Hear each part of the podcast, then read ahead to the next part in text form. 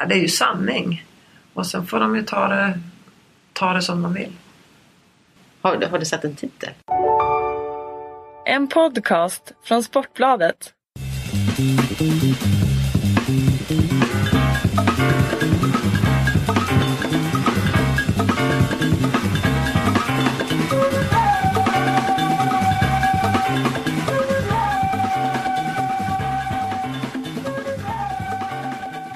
Jag har hittat eh, till Malmö och eh, sitter med en leende sexfaldig världsmästarinna och ett OS-guld har du som vi alla minns. Susanne Gunnarsson. Jätteskoj att få träffa dig. Ja, detsamma, detsamma. Ja, vi springer på varandra ibland, inte minst på flygplatser. Är helt fantastiskt. Och du är ute och flänger jämt, eller? Ja, jag har flängt ganska mycket sista åren. Mm. Känns nästan lite som jag lever i en kappsäck. Precis, men nu är du i alla fall i Malmö. Hur, hur, hur hamnade du i Malmö? Ja, det är många som frågar. Eh, Från Ja, Funäsdalen precis. eh, via Stockholm till Malmö, va? Mm. Ja, jag bodde då i Funäsdalen i 17 år. Där mina barn är uppväxta med mig. Sen så kände jag lite när jag började gymnasiet. Vi har ju inget gymnasium i Funäsdalen att de börjar bli stora. Då, då drog jag mig neråt Vaxholm. Där de har en väldigt bra kanotklubb. Eh, så att, Såklart. Ja, Jag tänkte så här, Vaxholm och du kanske, ja men kanotklubben där. Det, det måste finnas något som lockade där. Ja, så att det är lite häftigt faktiskt. Uh, trivdes jättebra i Vaxholm. Men ja, sen träffade jag en man. Som då var från Lomma. Utanför Malmö. Så att då blev det så att jag flyttade ner till honom spontant som jag är. så, så drog jag mig neråt här då. Och nu bor jag inne i Malmö. Eh, trivs jättebra här nere. Alltså, har du några skånska gener i dig? Det här med gener och Skåne. eh, Jag har alltid tyckt att de pratar så konstigt. Jag Och det de tycker du fortfarande, Jag tycker fortfarande de pratar jättekonstigt. Ibland kan jag reagera. Är jag utomlands eller? Men nej, jag tycker det är en häftig stad. Mm. Eh, väldigt internationell. Och det Ja. tycker jag. Mm. Ja, det känns, varför man kommer lite nära Danmark så känns Mm. det lite mer eh, internationellt, visst är det så? Ja, och just också att det är nära till flygplatsen i Köpenhamn. Mm. Mm. Och vad gör du, vad gör du här då? Ja, vad gör jag? Eh, jag har precis utbildat mig till coach, livscoach. Mm. Ja precis, och då säger vi inte kanotcoach Nej, som, som du redan är. precis. Mm. Eh, så att eh, en fantastisk resa måste jag säga med den här utbildningen. Eh, Jag tycker det är jätteintressant med människan. Vem är du? Alla är en hjälte. Och det tycker jag är jätteviktigt. Så att det tycker jag är intressant och skulle vilja jobba lite mer med. Sen så är jag ju, jobbar jag även som tränare. Eh, Och det är för finska kanotlandslaget. Då. Ja, och du var förbundskapten i finska Mm. landslaget. Och jag vet inte, du bodde väl aldrig där men du pendlade en, eh, en del. Men, men du avslutade själv det uppdraget rent så, och har blivit kvar i en annan funktion. Precis. eh, jag jobbade ju ett år då. eh, var jag anställd för Mm. Finska kanotförbundet eh, och pendlade bodde på ett studentrum i universitet två veckor. Och Det låter väldigt glamoröst. väldigt glamoröst. Kände mig som jag var tonåring igen. Eh, sen efter det största äventyret som jag var med på var väg i sju veckor. Då. Så efter det fick jag, man hade mycket tid att tänka där. Eh, så man kan väl säga att det varit en liten livsresa för mig. Då sa jag upp mig men har jobbat i år då, 2015 eh, som konsult för dem. Då. Och Det har känts jättebra och jätteroligt. Är det mest mot träningsbiten då Mm. fortsatt det eller är du inte inne på, på andra områden? Det är träningsbiten jag har jobbat med och det är just på träningsläger eh, och på tävlingar. Och det kommer du göra över OS? Eh, jag, har inte, jag har inte riktigt bestämt mig Nej. vad jag vill göra. Jag är ju så ung så Ja, jag vet inte riktigt vad jag Nej, vill göra nej. än. Faktiskt. Man Men har ju ett helt liv på sig att bestämma det. ja, det är det jag känner Mm. lite grann. Eh, vill ju gärna hjälpa till men kanske vara hemma ännu mer. Här hemma i Sverige då. Där kommer kanske den här då coachingen in. Vad- Hur tänker du där? Vad är, vad är ambitionen där? Är det att jobba mot privatpersoner eller företag? Eller? Jag har ju en dröm att eh, jobba för företag. Eh, och framförallt att få ner sjukskrivningarna. Mm. Eh, Få folk att må bättre. Eh, har man en livskris att man ska kunna komma till mig då så kan jag coacha dem att ha en samhörighet, samhörighet Mm. i företaget. Då. Och jag har jobbat mycket med friskvård så det är också en bit jag kan jobba med. Det här, jobba med hela kittet på något sätt inom företagen. Att ta fram Mm. någonting till företagare här nere i Malmö. Och det är klart att du har ju ett namn som, som, som du kan bygga mycket på med din erfarenhet. Inte, det är inte alla som har tagit ett OS-guld. Nej, det är inte det. Undrar hur många coacher som har tagit OS Ja, Nej, men jag tycker att nej, men det är någonting jag känner för är roligt. Och sen har jag faktiskt precis börjat jobba på ett ensamkommande flyk, en, ensamkommande barn så här hem då för Mm. dem. Har för, för, för ensamkommande flyktingar? Ja. Ja. Ja, ja. Mm. Alla de här Ja. ensamma barn som kommer nu? Mm. De här är mellan 15 och 18 år. Mm. Och det är, har precis börjat och det är verkligen en utmaning. De är 12 killar på det här stället och där ska man uppfostra dem och få in dem i vårt samhälle. Hur, hur länge har de varit i Sverige, de som kommer dit och som du hjälper? Mm, de har varit här ungefär mellan eh, ungefär ett halvår och nu är eh, på väg in med 12 nya då, som har precis kommit hit. Då. Är det så att de, det är ett hem där de som så här, någon, innan de slussas vidare ut i Mm. samhället som Mm. ja, en anpassningsstation En anpassning.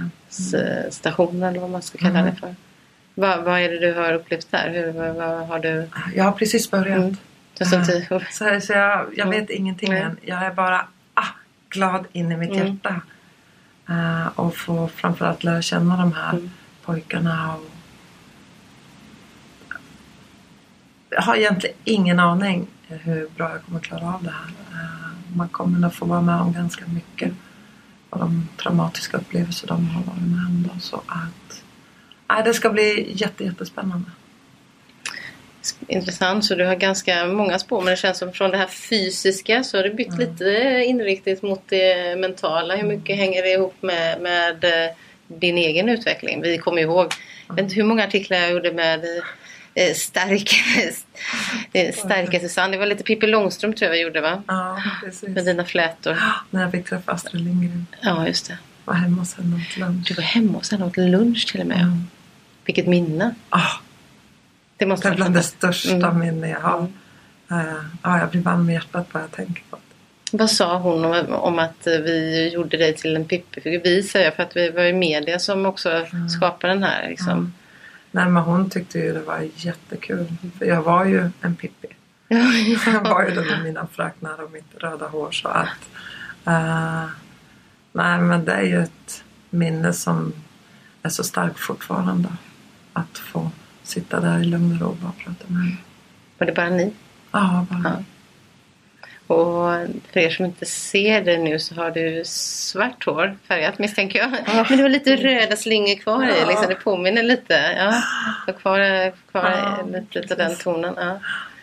Nej, jag kommer ihåg att vi var väldigt... Eh, på något sätt så, så tillhörde du den kategorin idrottskvinnor som, som, som var, så här, stod för styrka. Liksom. Att det var, det var inget fult. Liksom. Det var väldigt eh, eh, kraftfullt och, och vi var alla oerhört imponerade där på 90-talet. Eh, vad, vad är, hur mycket av den styrkan finns kvar liksom, hos dig?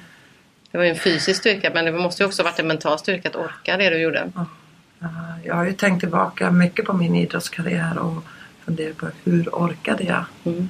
Jag ammade, jag tränade två, tre pass om dagen. Jag tog BM-guld bara några veckor efter min dotter är född. Och, uh, jag tror det var den här envisheten som jag ville kolla hur långt kroppen kunde gå. Och sen har nog många fått en bild av mig att jag bara är en stark, tuff kvinna. Men som sagt, jag är ju väldigt ödmjuk. Uh, har väldigt lätt för tårar. Uh, har lätt att ha empati för andra människor. Kanske har det växt fram eh, men jag tror det fanns där då också men då var jag bara så fokuserad på min idrott. Och det var ju egentligen inte Susanne, det var ju idrottaren. Mm. Men idag är det ju Susanne som sitter här. Och uh, den betyder ju mycket, mycket mer än idrotts-Susanne. Jag är stolt vad jag har gjort men, men just den jag är idag uh, har tagit lång tid att hitta. Men det känns som jag har hittat rätt nu. Mm. Har det, varit, har det varit svårare än att hitta vinnande vägen till OS-guld? Ja. Mm. Uh, Helskotta, vilken fantastisk fråga. Ja, jag tror det. Jag la ju av 2000. eh, Det är 15 år sedan. Och nu känner jag att jag börjar landa i mig själv. Och kan säga nej och hitta de här som betyder mest för mig mina vänner och har gått på ganska mycket smällar. Vilka som var mina riktiga vänner och inte. Mm. Mm. Ja, det har varit jättesvårt. Det har varit super, super svårt. Man är ju väldigt... Man vet när man lägger av som jag gjorde också med skada. Just det, det var skada som... eh, Mm. som eh, Två månader innan OS 2000. Just det, och det var tajt. Mm. Det måste också varit väldigt hårt. Alltså Ja, så ja. tätt inpå. Det skulle blivit ditt sjätte OS. Sjätte OS, ja. Uh, jättetufft och det är fortfarande ont när jag tänker Mm. på att, att på det sättet jag slutade samtidigt gick igenom en skilsmässa med fruktansvärt nervsmärta. Nu bryter vi lite. Jag tycker jag är jobbigt. Ja men de, de, jag hade ju smärta, så var det ju. Då, Och smärtan kom från nacken. mm, Ja. Jag har ju två diskbråck, Mm. ganska Mm. svåra diskbråck i nacken. Så vart jag försvagad i hela vänster arm. Det började första gången jag vart försvagad. Det var 97. Uh, när jag åkte längdskidor faktiskt. Det är också så Det har jag också gjort. ja. Det har jag Ja. också gjort. Ja, just det. Du gjorde en satsning på längdåkning. Ja, jag gjorde ju det. Ja, ja. Ja, direkt efter OS åkte jag till Kiruna och tränade längdskidåkning. Ja, herregud. Ja, ja, jag kunde hålla på med lättare sport kanske. Ja. Och då fick, jag fick första smärtan 97 och hade domningar i fingrarna och så men tänkte inte så mycket på det. Mm. Var väldigt försvagad, fick inte upp bänkpressen. Nej men då gjorde jag någonting annat istället. Och sen så hittade ju nerverna på plats igen Mm. och då började jag bli bra igen och fortsatte att träna och så där höll jag på i tre år. Och sen 2000, jag skulle åka hem från Sydafrika. Aldrig känt mig så vältränad och snabb som jag var då. Det var i april, maj där. Och bara vakna på morgonen, sträcker på mig och det, jag hör smällen i nacken. Mm. Och så känner jag direkt hur det strålar ut. Och då tänkte jag bara, nej. Det här kommer aldrig funka. Jag fick någon spruta, åkte hem till Sverige, åkte på första världscupen. Jag satt upp och sov på natten för att jag hade sån smärta. Försökte paddla och det gick inte. Åkte hem från världscupen, åkte iväg och gjorde en magnetröntgen. Och då sa läkaren bara att du Susanne, det är som en vipplerskada. Är det värt att satsa vidare? Men hur kan det ha blivit sån kraft? Nej, Jag vet inte. Jag tror ju att eh, all styrketräning, eh, fel ställning med huvudet när jag satt och paddlade Mm. plus all knäckning på nacken då när man fick nackspärrar. Då gick man till en kiropraktor Mm. och knäckte nacken då, och sen var man ute och tränade igen. Mm. Uh, det är vad jag tror att det är ren förslitningsskador Mm. som gjorde att det ja, tog slut. Min idrottskarriär. Mm. Och då på vägen hem faktiskt från Sydafrika, känns som det vore igår. Uh, så pratade jag med läkare och då sa han att direkt du kommer till Sverige så går in på apoteket så skriver jag ut tabletter till dig som kommer släppa lite nervsmärtan. Och de tabletterna heter Nobligan. Uh, är narkotikaklassade nu. Jag mådde fruktansvärt bra av dem. Men de var, du hade ju ingen aning då om att de var narkotikaklassade. Då hade du inte Nej. stoppat i dem. Nej, precis. Och då har de blivit sista åren. Ja. Men då visste man inte ens det? Nej. Nej. Precis. Och det är ju, då åt jag Noblegan, uh, Voltaren och Alvedon tillsammans. Ja. Uh, och då kände jag ingen nervsmärta alls. Så att uh, jag mådde ganska bra. Mm. Mm. Utan att tänka på varför Mm. jag mådde bra. Mm. Tog väl kanske sju, åtta månader innan en väninna till mig såg vad jag åt och som var sjuksyra, Mm. som är sjuksyra och sa att det här är inte okej. Vad du äter. Hon frågade om jag hade smärta. Nej, jag har ingen smärta. Men de är bra min, mina tabletter tyckte jag. Mm. För jag mådde ju bra. Ja, ja men de tog ju bort, jo det är klart Ja. att smärtan vill... Man tog ju bort allt egentligen. Jag gick ju drogad. Ja. Eh, Så att så hon slängde de här tabletterna. Mm, sen så hade jag lite kvar hemma. Så jag åt dem och sen så kom hon och hjälpte mig och sen låste hon in mig helt enkelt.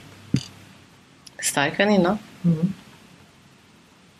Men det, det är ju nä, nästan som man behöver en avvänjnings... Ja, ja. Så var det ju. Eh, Så att jag var väl hemma hos henne i en vecka. Mm. Och var ju desperat. Mm. När jag kom hem så började jag leta tabletter och försökte hitta. Och men jag hittade inga och till slut så började jag fundera på vad jag ville med livet. Och började tänka om. Och sen så... eh, jag hade ju mina två fantastiska barn. På det sättet kom jag ju även upp på morgnarna och skolan och allt det här. Men annars vet det tusan om jag hade klarat mig alltså. Jag tror inte det. Nej, om inte du hade haft eh, den drivkraften att du måste... Ja. Eh, barnen var ju det, det är ju det viktigaste. Mm. Så att... eh, sen kanske efter två år tog det nog innan jag började fundera på vem är jag? Mm. Vad vill jag? Vad kan jag? Jag var ju Kunde paddla snabbt. Ja precis, jag var ju kanotist. Ja. eh, och levde väldigt isolerad i min lilla värld med min familj. Då. Mitt ex då, som var min tränare. Då. Ja, Rolf eh, där som var han Ja. fanns ju med, han han fanns med även under den här perioden. Nej, Nej, det var efter. ja. mm, det var efter. Mm. Då hade vi skilt oss. Så att... Uh, fråga Nicky Bent. Minns du henne? Alpinist. Ja, ja mm, Mm. absolut. Så frågade hon om jag vill bli hennes fystränare. Jaha. Så där kom jag in i idrotten igen. Det var ju två år jag inte ens svarade i telefon. Såg man att det var ett dolt nummer då hade ju massmedia dolt nummer. Mm. Där är Det har vi inte, nej, vi har inte det så mycket längre men det hade vi då. Ja. Eh, du vet, jag kunde inte ens svara i telefon. Jag ville inte ha någon kontakt med massmedia överhuvudtaget. Inte med kanotister eller någonting.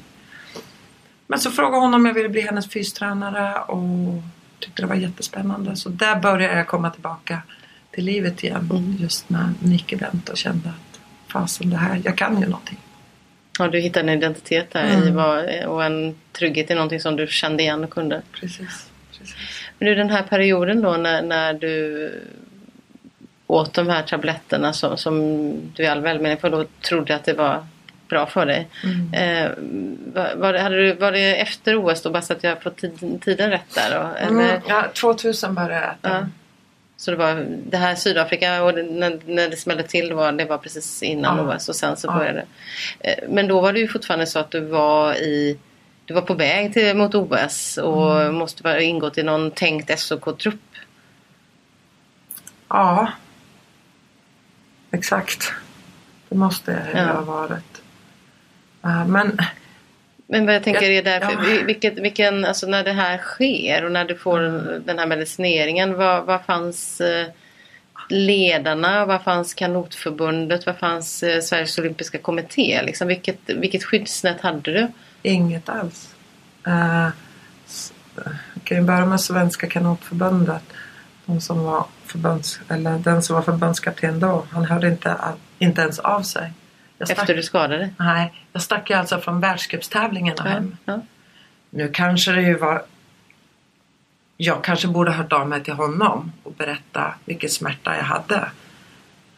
Men jag gjorde inte ens det. Men jag tror att man lever så li- runt sin egen lilla bubbla så att man, man, man fixar inte det då. Eh, så att... Jag tror inte ens att jag pratade med Svenska kanotförbundet på flera år där. Men det- hur, med facit i hand, tycker du inte det är konstigt ändå att de inte liksom ens... Att de inte Ja, det är fruktansvärt. Ja, ja. Skulle någon av mina aktiva eh, bara försvinna, jag skulle ringa efter två dagar. Ja. För mig är det jätteenkelt. Vad har hänt med min aktiva? Eh, men nej, ingenting faktiskt. Mm. Eh, Och inte in- SOK heller. Mm. Och de här, den läkaren som skrev ut eh, tabletterna till dig, då, var han kopplad till idrotten eller till den vanliga vården? Eh, han var kopplad till vanliga vården. Ja. Mm. Så det fanns inte heller, jag tänkte om det var någon Nej. idrottsläkare? Nej. Nej. Fan, jo, han är ju Ja, Ja, han är ju Jag nämner inga namn. nej, Nej. det förstår jag. Nej. Nej.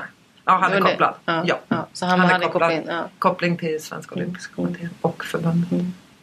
Men sen de, de, den tiden efteråt här, och även lite längre fram, liksom, fast, inget, fast inget, inget... Jag tänker på, det finns ju en debatt om att, att man inte är så bra på att ta hand om sina liksom, hjältar efteråt. Och det kan hända att det har blivit bättre nu men, men eh, eh kände du där att det fanns, eh, fanns någon form av liksom, kontakt eller någon, någon som kunde lotsa dig rätt? Eller, eh, det verkar som, framstår som att du på något sätt lämnades med din egen Ja. problematik. Jo, jag lämnades verkligen med min egen problematik. Ja. Eh, det, var ju, det var ju så att eh, jag gick ju väldigt ofta min egen väg Mm. och det berodde ju mycket på att jag hade två barn.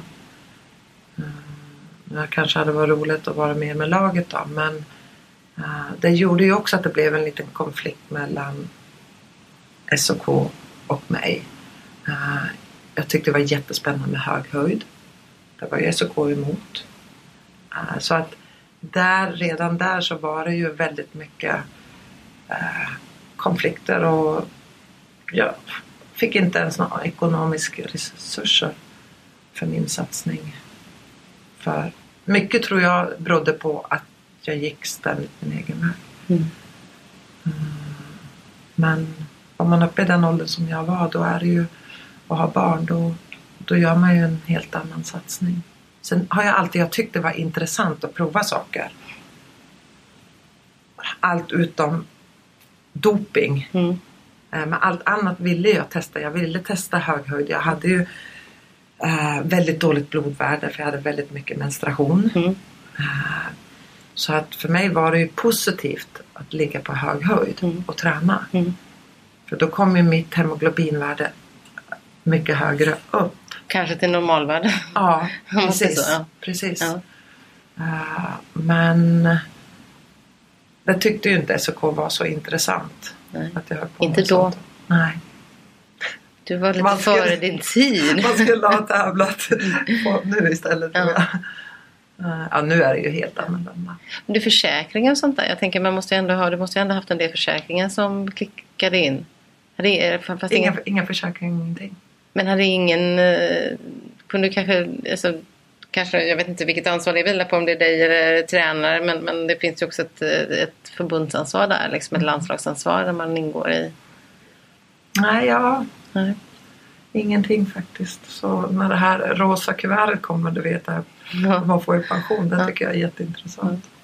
Uh, det tycker jag är lite tråkigt. Jag vet ju många andra länder, framförallt i Europa, då, Mm. som staten går in med pensionsförsäkring Mm. om man tar medalj på VM och OS. Och vi är ju faktiskt ute och representerar Sverige. Mm. Precis som kungafamiljen. Uh, så att uh, det här är nog jag lite bitter på Mm, tror jag. mm. Att man inte har fått någonting efter sin två decennier. Höll jag på. Nästan tre decennier Mm. idrotten. Var du lite dålig själv också på, på att planera och tänka på sådana saker runt omkring? Ja, ja. Ja. Eh, Det gör man inte Nej. som elitidrottare. Man är så fokuserad på att göra sin satsning. Så här skulle man ju haft folk runt Mm. omkring sig också. Någon agent eller någon manager Mm. som hade... Ja. Precis. Vilket har blivit vanligare nu. Ja. eh, Så. Mycket vanligt. Men du, eh, den här tiden då under alltså den här jobb... Ja, det kanske inte var så jobbigt då just då tiden när du, när du eh, åt smärtstillande för, för du, då mådde du bra den perioden. Mm. Men, men eh, var det någon, kände du aldrig någonstans inombords att ah, men det här är ändå inte kanske helt rätt? Eller reflekterar du inte så? Jo men självklart. Mm. För jag kände ju, det var ju inte jag. Uh, mitt humör var ju neutralt. Uh, normalt går ju jag upp Mm. lite ner och väldigt spontan och glad. Nu var jag bara neutral. Lite zombifierad nästan. Ja. Ja. Så att visst men... Men, smärt, men, smärt, ja, förlåt. mm. men smärtan var borta då? Ja, jag kände ingen smärta alls nej. när jag åt dem där. Nej. Och jag vet ju inte egentligen om smärtan hade gått över. För jag fortsatte ju åt hela tiden. Eh, för smärtan kom ju i perioder. Det kunde vara sex månader utan så kom den kanske i, i någon månad så, sådär. Men eh, jag åt nästan i ett och ett halvt år och jag kände ju ingen smärta på ett och ett halvt år. Men när jag la mig så hade jag i alla fall ingen smärta. Så att jag åt ju säkerligen, eller jag åt ju bara för att jag, jag mådde bra. Jag fick ju, jag började ju om kan man väl säga nästan att eh, jag hade ju inte betalt en räkning under hela den här perioden. De skilde mig och helt plötsligt kom det in räkningar och bara, äh, vad händer här? Jag fick ju börja från scratch igen i det vanliga livet. Ah, börja jobba som vanliga människor fundera på vad jag ville göra. Eh, det var ju också en stor bit för mig att känna, fasen jag klarar ju det här. Jag kan ju betala mina räkningar och eh, jag kan laga, laga mat. Jag var ju väldigt bortskämd under den här perioden som elitidrottare. Jag, gjorde, jag umgicks med mina barn och tränade. Ingenting annat gjorde jag. Nej.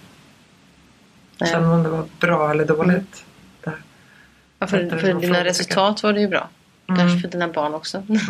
Att du inte Precis. gjorde annat när Ja, du hade precis. tid över. Ja. Men, men det är klart att det... Och det är kanske delvis vad som krävs ibland för att man ska liksom bli bäst i världen. Ja, ja, Eh, oh ja. Så. Mm. Men har dina barn efteråt sagt någonting om, om Nej, vi har ju inte, vi har inte pratat någonting om min egentligen idrottskarriär. Mm. Eh, Men nu är de så pass stora så nu skulle man kunna sätta sig ner med dem och berätta eh, hur hela den här perioden egentligen var. Mm. Robin är ju egentligen en fantastisk idrottare. Men säger man ordet tävla till honom då vart han ju ah, aldrig inte? Men det tror jag mycket berodde på att han, han såg nog mitt slit Mm. under den där perioden. Mm. Om man tittar tillbaka på, på eh, lyckosamma delar under den perioden så, så eh, utifrån våra perspektiv så känns ju OS-guldet som, som det måste varit någon liksom, eh, topp. Liksom. Även om du kanske har andra bra minnen från, från dina alla VM-guld. Mm. Ja, men, Subtle results, still you, but with fewer lines. Botox Cosmetic, out of botulinum toxin A, is a prescription medicine used to temporarily make moderate to severe frown lines, crow's feet, and forehead lines look better in adults. Effects of Botox Cosmetic may spread hours to weeks after injection, causing serious symptoms. Alert your doctor right away as difficulty swallowing, speaking, breathing, eye problems, or muscle weakness may be a sign of a life threatening condition. Patients with these conditions before injection are at highest risk. Don't receive Botox Cosmetic if you have a skin infection. Side effects may include allergic reactions, injection site pain, headache, eyebrow and eyelid drooping, and eyelid swelling. Allergic reactions can include rash, welts, asthma symptoms, and dizziness. Tell your doctor about medical history, muscle or nerve conditions including ALS or Lou Gehrig's disease, myasthenia gravis, or Lambert-Eaton syndrome and medications, including botulinum toxins, as these may increase the risk of serious side effects. For full safety information, visit BotoxCosmetic.com or call 877-351-0300. See for yourself at BotoxCosmetic.com. ett Ja, OS är ju ja. OS. Det bara är så. Jag menar Agneta och jag vi hade ju, var ju tvåa i Barcelona bara fem tiondelar tror jag det var från guldet. Surt. Ja. Och så fick vi göra det här och framförallt mot två gamla östtyska tjejer som vi har tävlat mot sedan 1980. Ja, det är otroligt långa perspektiv. 16 år alltså. Innan 16 ni år. kom till Atlanta. Och... Ja, och fick dänga de Mm, där mm. två tjejerna. Det var ju, bara det var ju en stor lycka för oss. Och eh, det, det där guldet föregicks också utav långt bråk mellan, mellan er. Där ni som gamla vänner och träningskompisar gick skilda vägar åt när du träffade Rolf. Mm. Och det hade Agneta svårt att hantera och sen så trätte ni kanske lite båda två. Mm, verkligen. Men, men eh, kan du komma ihåg när ni ändå fattade beslutet av, för, för ni fick ett ultimatum Ja. utav förbundskaptenen där. Mm. Han sätter i båten och kör, Kör. Annars, Ja. eller, annars blir det inget. Ja. Det var i Katrineholm Mm. eh, på sista OS-uttagningen. Han ville först och främst testa oss i en K2 eh, på ett testlopp och vi båda sa ja och vi gick ut och testade och då fick jag bara den här känslan att helskotta vad bra det går. Och sen så frågade han mig. Jag körde ju då K2 med 95 då innan OS så körde jag med Susanne Rosenqvist. Vi tog vart ju tvåa. Men vart ju silver då på VM. Mm. Det är också väldigt bra. Det är ju väldigt bra. Så vi två äh, drömde ju om att få vinna ett OS-guld tillsammans. Men sen så, ja, sa ju vår förbundskapten att jag vill att ni två ska sätta er tillsammans och köra. Och det var ju två fullblodshästar som egentligen kände varandra väldigt väl som människor. Eh, och vi var professionella de här tio veckorna och tränade inför det här OSet på ett professionellt sätt. Vi umgicks ingenting privat. Bara när vi satt oss i kanoten. Och lite efteråt. Mm. Men sen har ni haft en relation Ja, och ja, föreläst tillsammans och det blev ju på någonstans eh, Fantastiskt. Ja. Ja. ja, det blev ju det. Eh, ja, man lärde sig väldigt mycket eh, under det här bråket. Hur kul var det att stå på prispallen när man vann sitt individuella VM-guld? Eh, inte ett dugg roligt, men man visste att det bara var bråk i laget. Det är ju laget man ville ha den här känslan med. Eh, och det fick man ju inte 93 då. VM i Köpenhamn.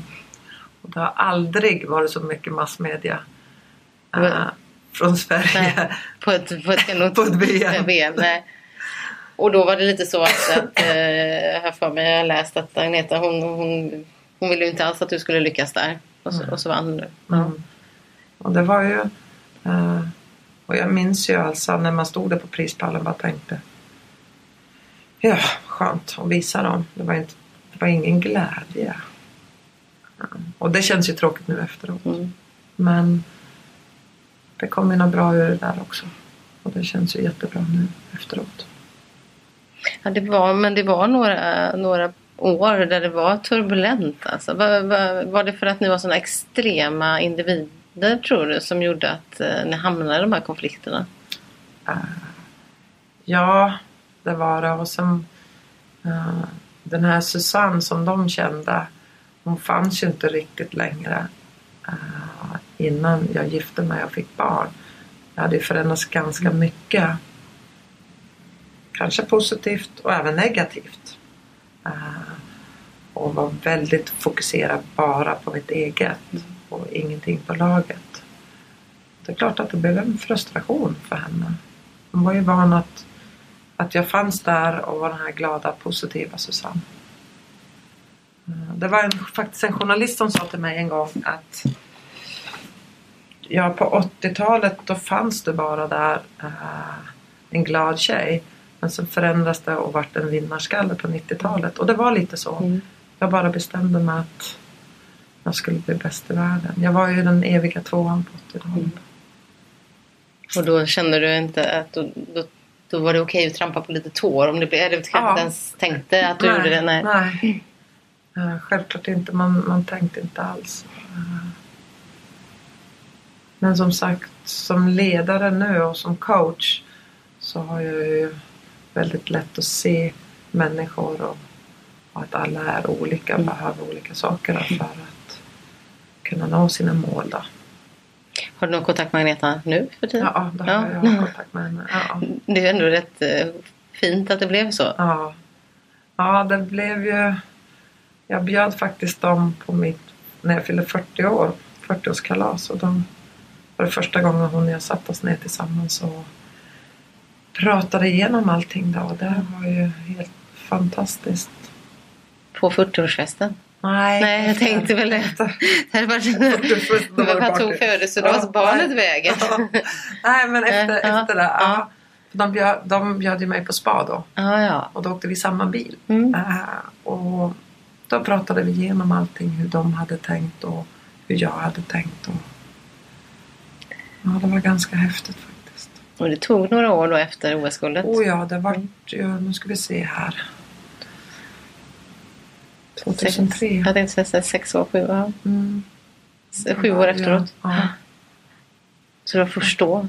Vi pratade igenom Ja, allting. wow. Och vissa saker behöver tid för att Ja. landa. Ja, verkligen. Sen pratade vi i telefon om allting Mm. annat innan det. Mm. Men aldrig att vi pratade igenom allt det här som hade varit. Nej.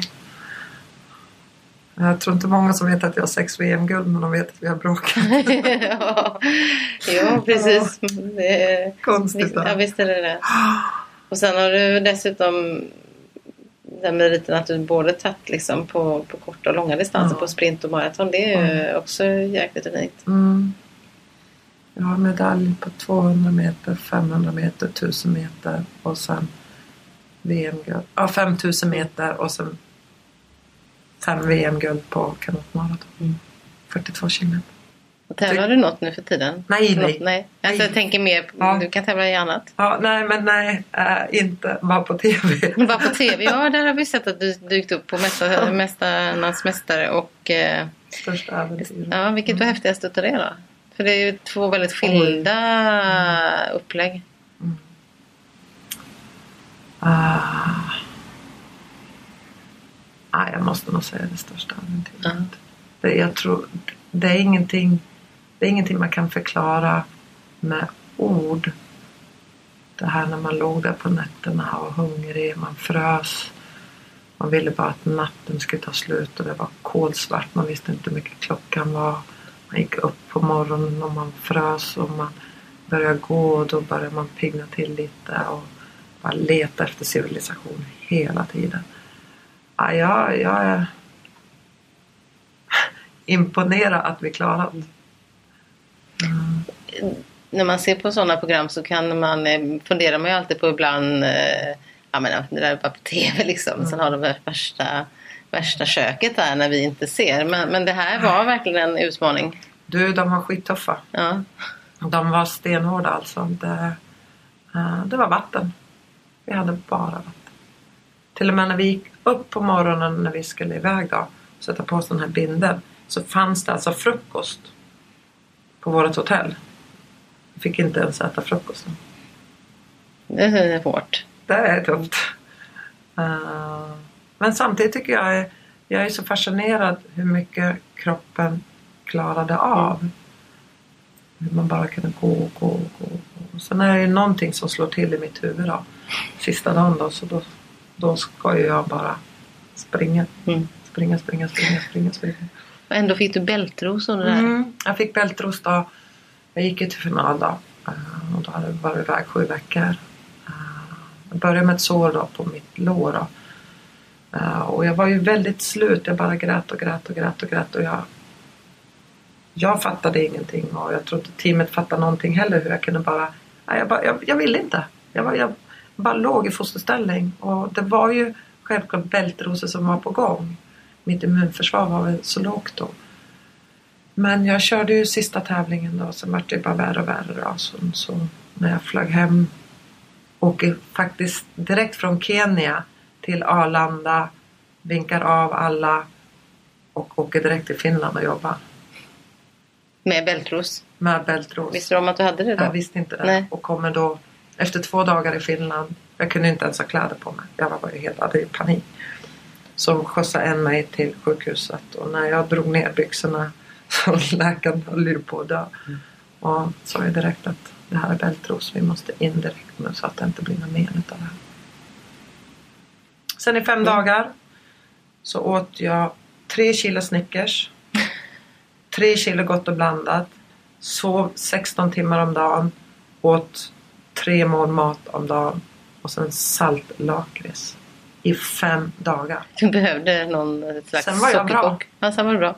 Ja. Helt sjukt! Vad var det läskigaste du käkade där borta då? För ni fick ju, du måste ju... Ja, liksom- men jag åt ju den där snigeln. Det var snigeln där ja. ja. Den där levande ja, snigeln. Ja. Åh. Har du sett bilderna på det efteråt? Ja. Ja, jag har sett bilderna. Ja, jag, fattar, jag fattar inte nu för första. Nej, nej, jag fattar inte vad jag kunde. Nej. Men man lever ju här och nu så att säga när man var ute där. Och när jag tog upp på den där levande snigeln. Nej men fy. Ja, men... Ja, nej. Ja, det var Ja. slem och ingen tandborste. Det är inte så att du liksom går ut och plockar mördarsnigel i någon trädgård här direkt nu när du kommit hem? Nej fy fan Nej. så. Du, ja, du dyker upp i lite sådana sammanhang. eh, Så hur, hur, just det. Mm. Du var med på alla. Det var ju mer känslosamt program. Ja. Va- Vad är det som gör att du har va- varit med på de här utmaningarna efteråt? Nej men jag älskar ju det där. Ja. ja, men det är ju bara så. Det är ju nästan, nu är det ju ett år sedan ganska precis som vi åkte iväg på det största Mm. Äventyret. Nu börjar man bli lite så här. Ah, jag vill göra något sånt här igen. För först att träffa Mm. dessa fantastiska idrottare som jag ser upp till. Eh, och samtidigt har vi så otroligt mycket gemensamt. Eh, när man sitter och pratar och man känner att nej men jag kanske inte är så konstig. Här är fler som har haft samma problem eller samma tankar. Eller upplevt samma saker som jag. Eh, så att nej, jag tycker det är jätte, jättekul att vara med och sådana här upplevelser. Mm. Vad kan det finnas nu då som du inte har? Let's Dance. Let's Dance! Där har du inte varit med nej. Det har jag inte nej. varit. Har du fått någon förfrågan där då? Nej, jag har inte det. Nej, nej, nej kanske får det nu då. Let's Dance. Det hade ju varit en helt annan upplevelse men Ja, det här var förmodligen en utmaning. Ja. Ja. Du Susanne, om man, om man backar tillbaka bandet bara lite där. Vi, vi, vi landade någonstans där, du, där du, din väninna tog hand om dig och du, och du började hitta tillbaka. Men, men hur mycket satt, det liksom biverkningar och sånt där? Satt det i länge? Eller eh, när kunde du känna...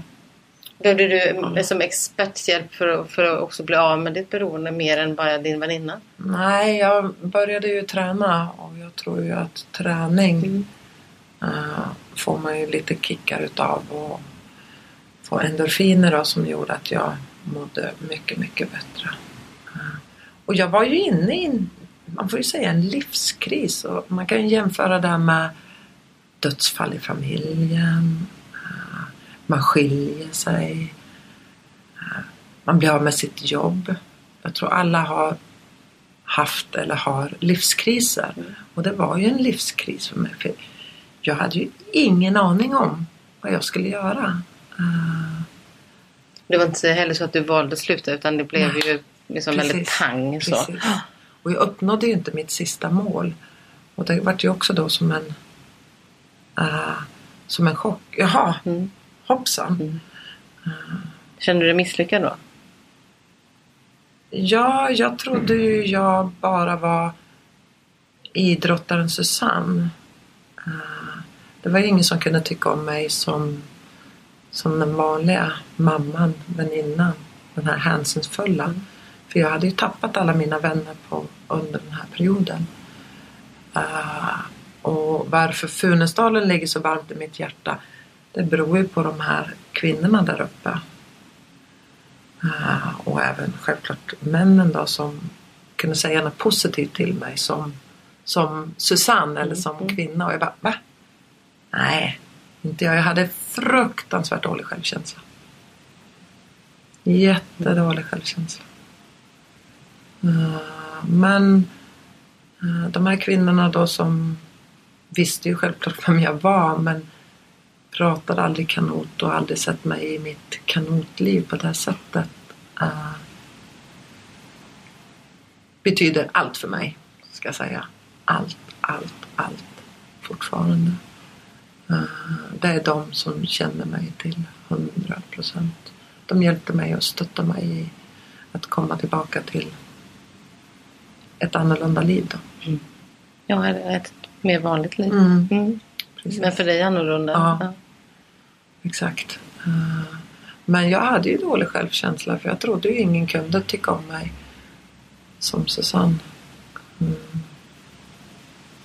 Och vad det på det får vi ta någon annan gång. Det får vi ta någon annan gång. Det kanske vi får veta för vi vet ju, eller jag vet ju att du skriver en bok. Precis. Ja. ja. Uh, Berätta ja, det... det du kan då. Nej men jag har ju funderat ganska länge på uh, att skriva mina memoarer men framförallt att rikta mig till kvinnor.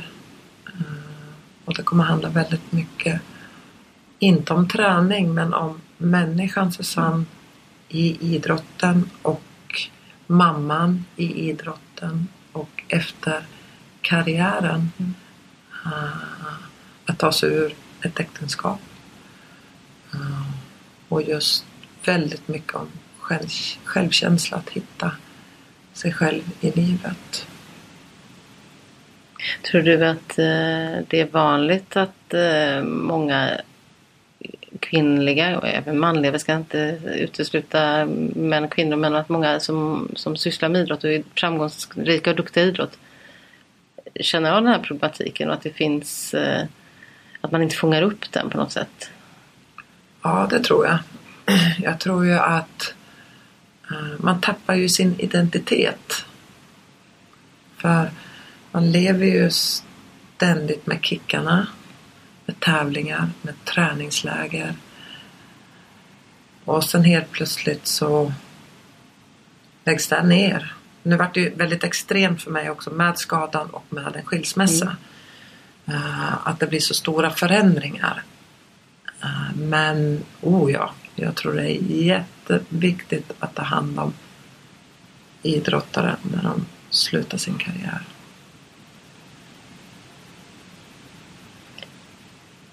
Boken, när, hur var någonstans är du? I vilken fas är du? Mm, jag är väl Uh, och skrivit klart idrottskarriären. Mm. Uh, ska nu börja på vad som har hänt efter idrottskarriären. Och boken kommer ju handla också väldigt mycket om uh, den fria själen.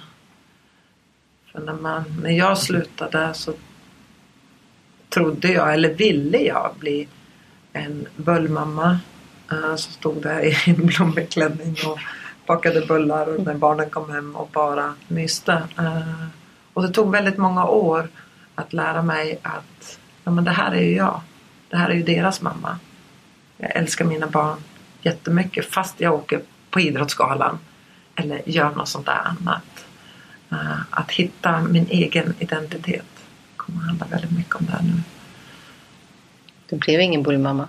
Nej. Det blev en annan mamma? Ja, ja jag vart till hur mycket jag ville. Var det verkligen så att du till exempel handgripligen bakade också? Ja, det gjorde jag. Ja. Mm. jag har gjort, försökt baka både det ena och andra. Jag älskar att laga mat, ja. inga problem. Och jag älskar det här med kost och... Men nej, jag är ingen bakare. Nej. Man kan vara en bra mamma även om man inte kan baka. Precis, och det är det jag vill ta fram. att uh, Vi mammor ju, har ju ständigt dåligt samvete. Mm att vi tycker inte vi är tillräckliga. Men jag säger som Astrid, ge barnen kärlek och mer kärlek. Den tycker jag är klockren. Mm. Då kommer det gå bra för barnen.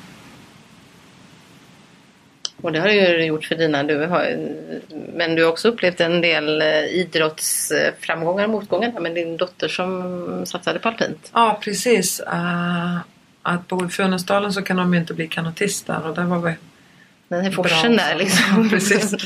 Forsränning. Ja, isen går upp i maj. Ja. Nej, men så att dottern då började åka alpint då. Det var mycket därför jag började träna Nike Bent då. Eh, så jag kom in i alpinvärlden. Mm. Och det var ju väldigt speciellt. Lite annorlunda mot kanotvärlden.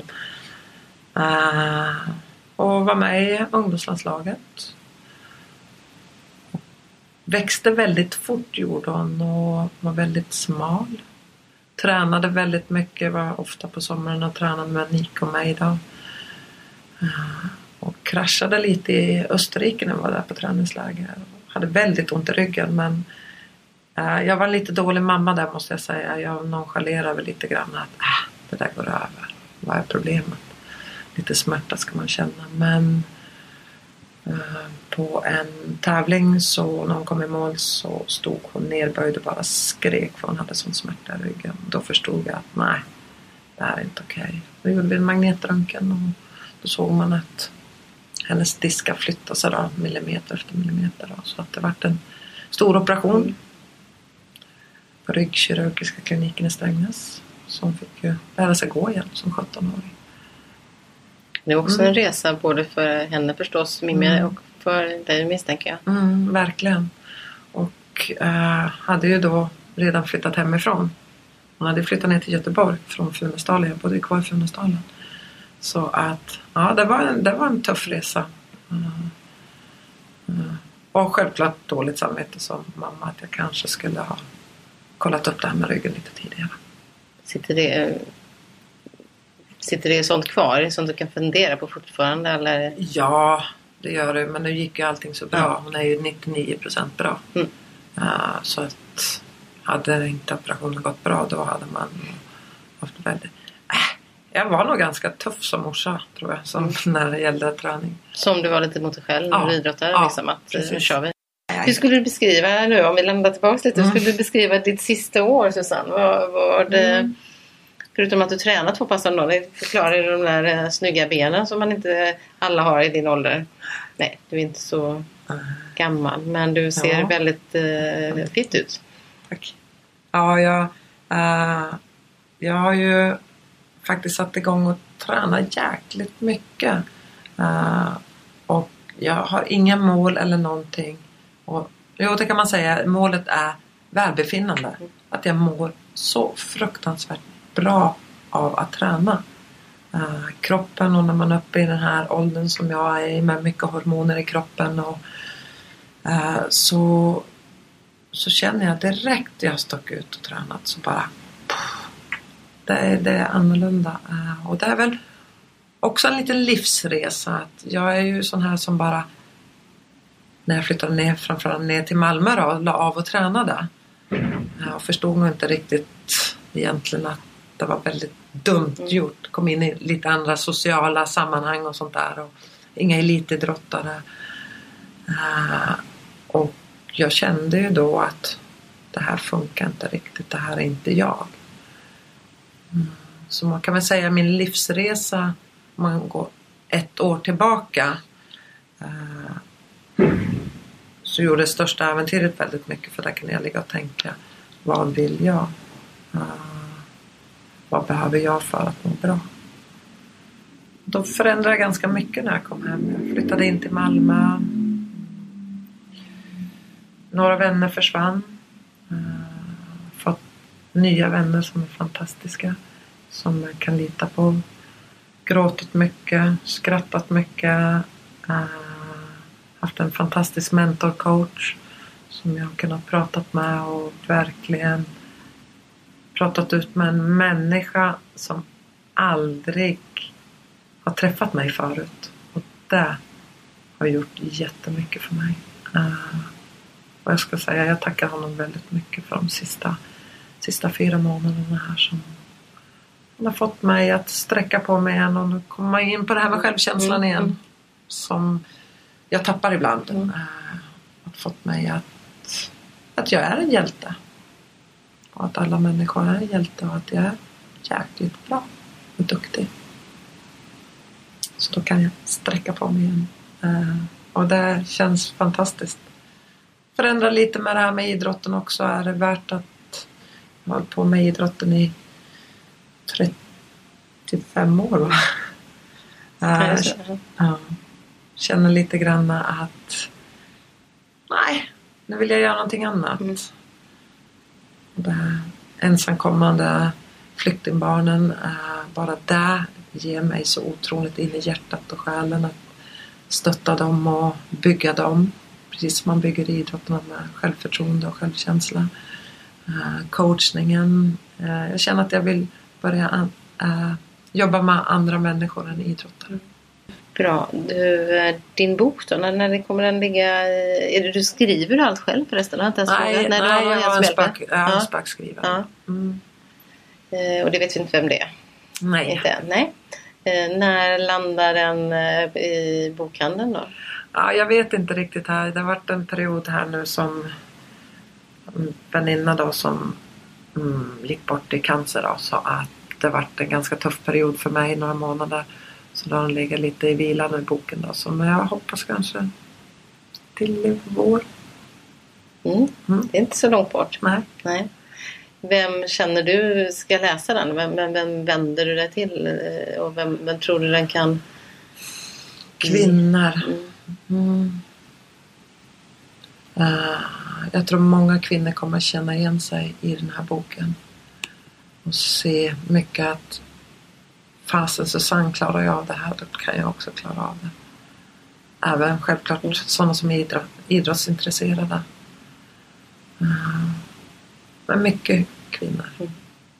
Vad är det framförallt Ah. tänker att det här har Att- jag klarat ja. liksom? att jag har gått igenom eh, så mycket sorg och dåligt självkänsla. eh, funderingar på varför inte jag är som alla andra. Och att framförallt att hitta mig själv. Det här är jag. Det här är äkta Susanne. Uh, att, tycker du inte om mig som jag är? Nej, men det är helt okej. För det här är äkta jag. Och det tog lång tid innan jag hittade hit där jag är idag. Till den här glada, positiva, energifyllda Susanne. eh, att alltid lyssna på alla runt omkring mig. Så där kan du inte göra. Eller eh, du ska göra så här. Och de där får du inte umgås med. Och allt det här som jag har fått till mig under alla mina år. Sållar jag bort med nu.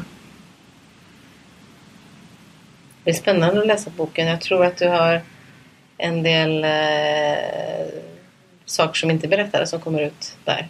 Ja, det kommer vara mycket, mycket saker som jag kommer berätta ah, som egentligen väldigt få vet om. Men som jag tror är viktigt att det kommer ut och kan säkerligen hjälpa andra också.